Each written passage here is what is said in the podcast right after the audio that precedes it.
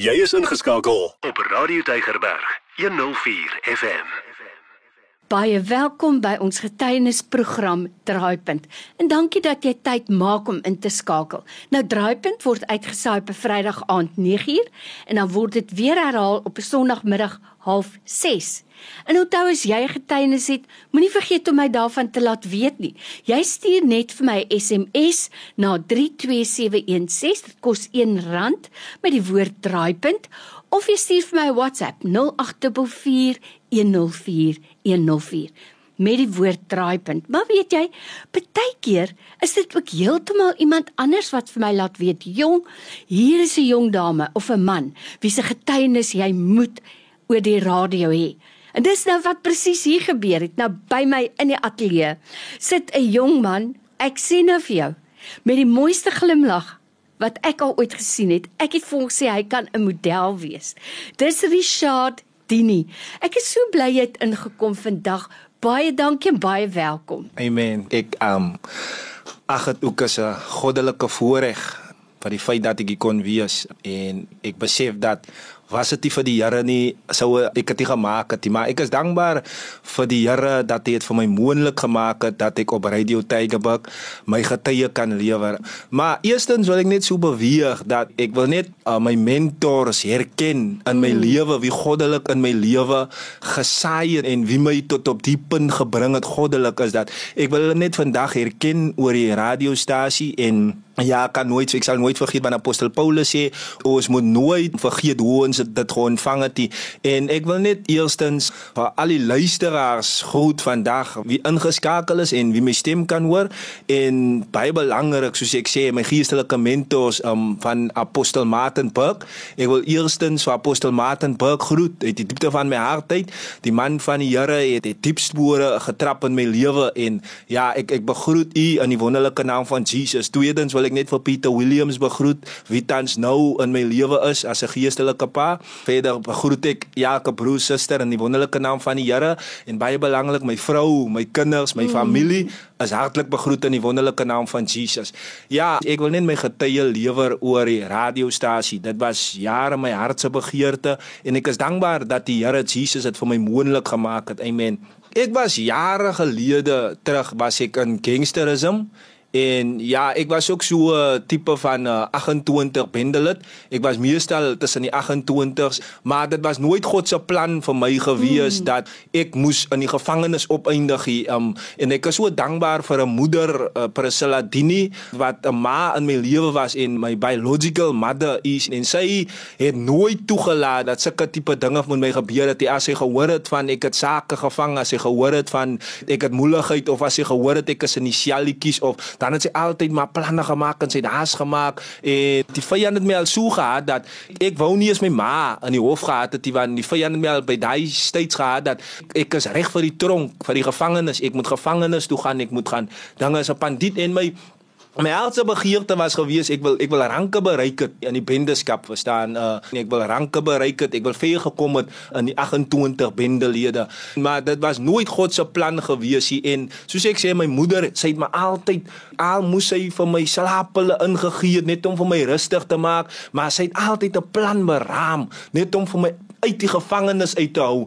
En ek is vandag as ek so dankbaar vir die Here vir 'n moeder soos haar because ek het vir haar gesê, "Mamy, was dit ookie u se strengheid nie, dan sou ek nie vandag die Here gedien het nie." En dit het vir my te veel geraak. In die tyd toe sy vir my dat uh voel dat sy is nie meer deel van my lewe nie, sy het my afgeskryf. Toe raak dit vir my te veel. En um voor daai het ek 'n paar jaar toe hulle vir my toe hulle vir my gesteek. Eerste skoot hou wat ek kry in gangsterism, toe hulle vir my gesteek met 'n dolk, 'n groot diep uh, groot messe. En ek dink ek was 19 20 jaar oud op daai stadium en toe steek hulle vir my met 'n dolk. Hulle steek vir my 'n sentimeter weg van my hart af Sjoe. en hulle steek vir my binne in my long. Ek is in Tygerberg Hospitaal opgeneem en ek was daar seker so vir 4 dae gewees wie uit die hospitaal het en 'n hele paar jaar na daai ek dink ek was so 25 jaar oud gewees toe steek hulle vir my weer op dieselfde kol het hulle vir my weer gesteek, maar daai die keer toe steek hulle vir my weer met 'n skroewedraaier. Hulle steek my 'n sentimeter weg van my hart af en hulle steek vir my binne in my long en toe ek in die hospitaal kom Karl Bremer, toe ek nou 'n bietjie bykom, vra die dokter vir my, "Maar jong man, weet u dat u moes dood gewees het?" En ek het dit nooit in hy konteks gesien nie. En ek uh, sê vir nee, maar sy sê vir my dat weet u dat as die ambulans net 'n bietjie langer moes gemaak het, sou die bloed oor u se hart geloop het. U sou in 'n diep koma gegaan het en daar's 'n possibility dat u kon sterf. Sy sê vir my dat steek die man nog net 'n bietjie affer dan steek die man jou op slag dood. En ek besef dit daai tyd En dit is die hand van die Here, dit is genade wat op my lewe was. Ek besef nie daai tyd nie, want daai tyd was ek in gangsterisme en ek het gedink ek is kwaai, ek het gedink ek is daai man, ek is kan nie dood en alles van daai. Maar weer dit het gebeur, daai ek dink dit was so 2016, 15 rond. Het dit gebeur met my en weet u terwyl ek so opgeneem word want ek was in die ICU daai tyd en terwyl ek so opgeneem word in die sale, laat ek nou opgaan na die sale toe, kom die mense wie so Sondags kom bid in die in die hospitaal hospitale en en bedien en van die mense bemoedig.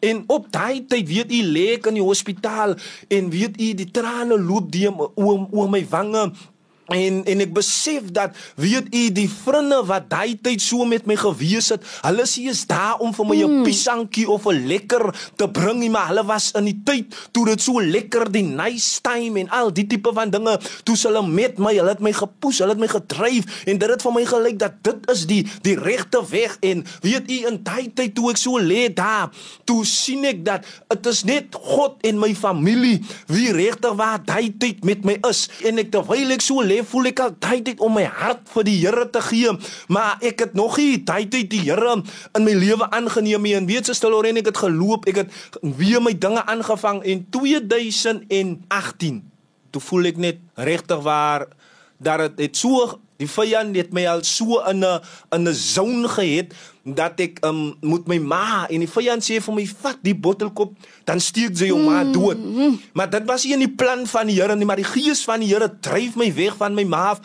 En terwyl ek so wegstap van my ma af, sê my ma vir my en ek praat met my ma, ek sê vir my ma die lewe wat ek in is Dis nie die lewe wat ek wil lewe nie. Ek wil regkom maak. Weet jy hoe nie ek het my al bevind tussen sokkeplees om 'n bietjie net af te kom van die verkeerde dinge want ek dink dit gaan my 'n bietjie beter mens maak. Ek het afgekom van die tipe drankies af wat ek gedrink het en en weet jy stel Lorraine, ek stap so weer van my maat af. Ek wil die Wendy House gaan afbreek wat ek ingewoon het en en die vyand sê vir my klim op die dak van die Wendy House. Ek is onder die invloed van drank, ek is onder die invloed van dagga. Ek is bo op die dak. Ek nie kan tot in vandag toe nog nie onthou hoe ek van die dak af mm. geklim het nie, maar toe ek weer vir my bevind, toe sit ek weer tussen my vriende en die alle goedes kom hier na toe die dak en alles is volop daai aan. Maar weer terwyl ek so sit en die goedes so volop, ek het twee skuwe van die daggapyp getrek en terwyl ek so twee skuwe van die daggapyp trek, sê ek vir myself, ek encourage my daai aan, ek sê vir my die lewe wil ek in my lewe net staan daar op en ek stap uit toe ek so uitstap, loop ek in my broer se skoonpa vas. Hy vra my wat gaan aan? En hy bemoedig my met die woord van die Here. Toe hy my so met die woord van die Here bemoedig voel ek in my mag kom so kalmte in selfde tyd toe realize ek maar dit is wat ek nodig het. Hy het my uitgenooi dan na bediening toe die Sondag aan 'n jong man kry my ook van Oppingster gemeente. Hy nooi my ook uit vir die Sondag om bediening toe te kom. Ek staan die Sondagoggend op ek gaan bediening toe kom by Oppingster terwyl ek so sit in die bediening is daar iemand wat die diens lei en terwyl hy so die diens lei sê iets vir my gaan uit laat hulle vir jou bid. En voor hulle vir my bid roep hulle die leer jaar van Oppingster gemeente. En hy kom na my toe hy vra vir my wat wat ek? Sê ek het baie probleme. Ek wil net hê u moet vir my bid. En terwyl ek dit vir hom sê sê hy vra hy vir my. Hy vra vir my wil u nie u se hart vir die Here gee nie? En terwyl hy dit sien sê vir my kom ons gaan knieë toe ons bid saam en ons bid saam. En terwyl hy so vir my bid sê ek onder sy gebed ek wil my hart vir die Here gee en ek gee my hart daai dag vir die Here. 2018 en van daai dag af is my lewe nooit weer dieselfde nie. Wat 'n kragtige getuienis wie wat vir my so wonderlik is Richard wat ek sien vandag. En ek het al telke male gesien dat jong mense wat op die straat was man wat in die gutters was as die Here vir hulle beet kry, hulle kom sit hier. Tot hulle vel is mooi, hulle oë blink. Hulle is werklik waar 'n nuwe mens. Jy het 1 en 2 en 3 en 4 kansse gekry. Almal is nie so gelukkig nie. So ek wil hê om af te sluit. Ons het baie min tyd, maar wil jy nie praat met daai jong mens wat soos jy gevoel het? Ek weet ek moet hier uitmaak, weet nie hoe nie. Ek het 'n 'n 'n favorite skrif in die woord van die Here, die verlore seun. Hy het sy erfdeel by sy pa gevat en het uitgegaan na die verre land. En die Bybel sê toe hy kom in die verre land het hy hy het losbandige lewe en, en hy het hy het alles opgemors. En die Bybel sê daar het 'n tyd gekom in sy lewe toe hy vir homself tussen die varke bevind het dat daar tyd gekom dat hy later aan amper wil begin vreet van die pele van die varke. Maar die Bybel sê in in vers 17 sê die Bybel hy het vir homself gesê ek sal hier opstaan. Wat ek 'n jong man wil bemoedig vandag is dat Dit moet by jou self kom. Jy moet vir jouself kan sê man, dit is nie die lewe wat ek wil lewe nie. Jy moet jouself kan encourage en deur dit gaan God jou hart raak sien. En deur dit gaan God sy hand vir jou uitsteek. Want die Here sien daar is 'n wil.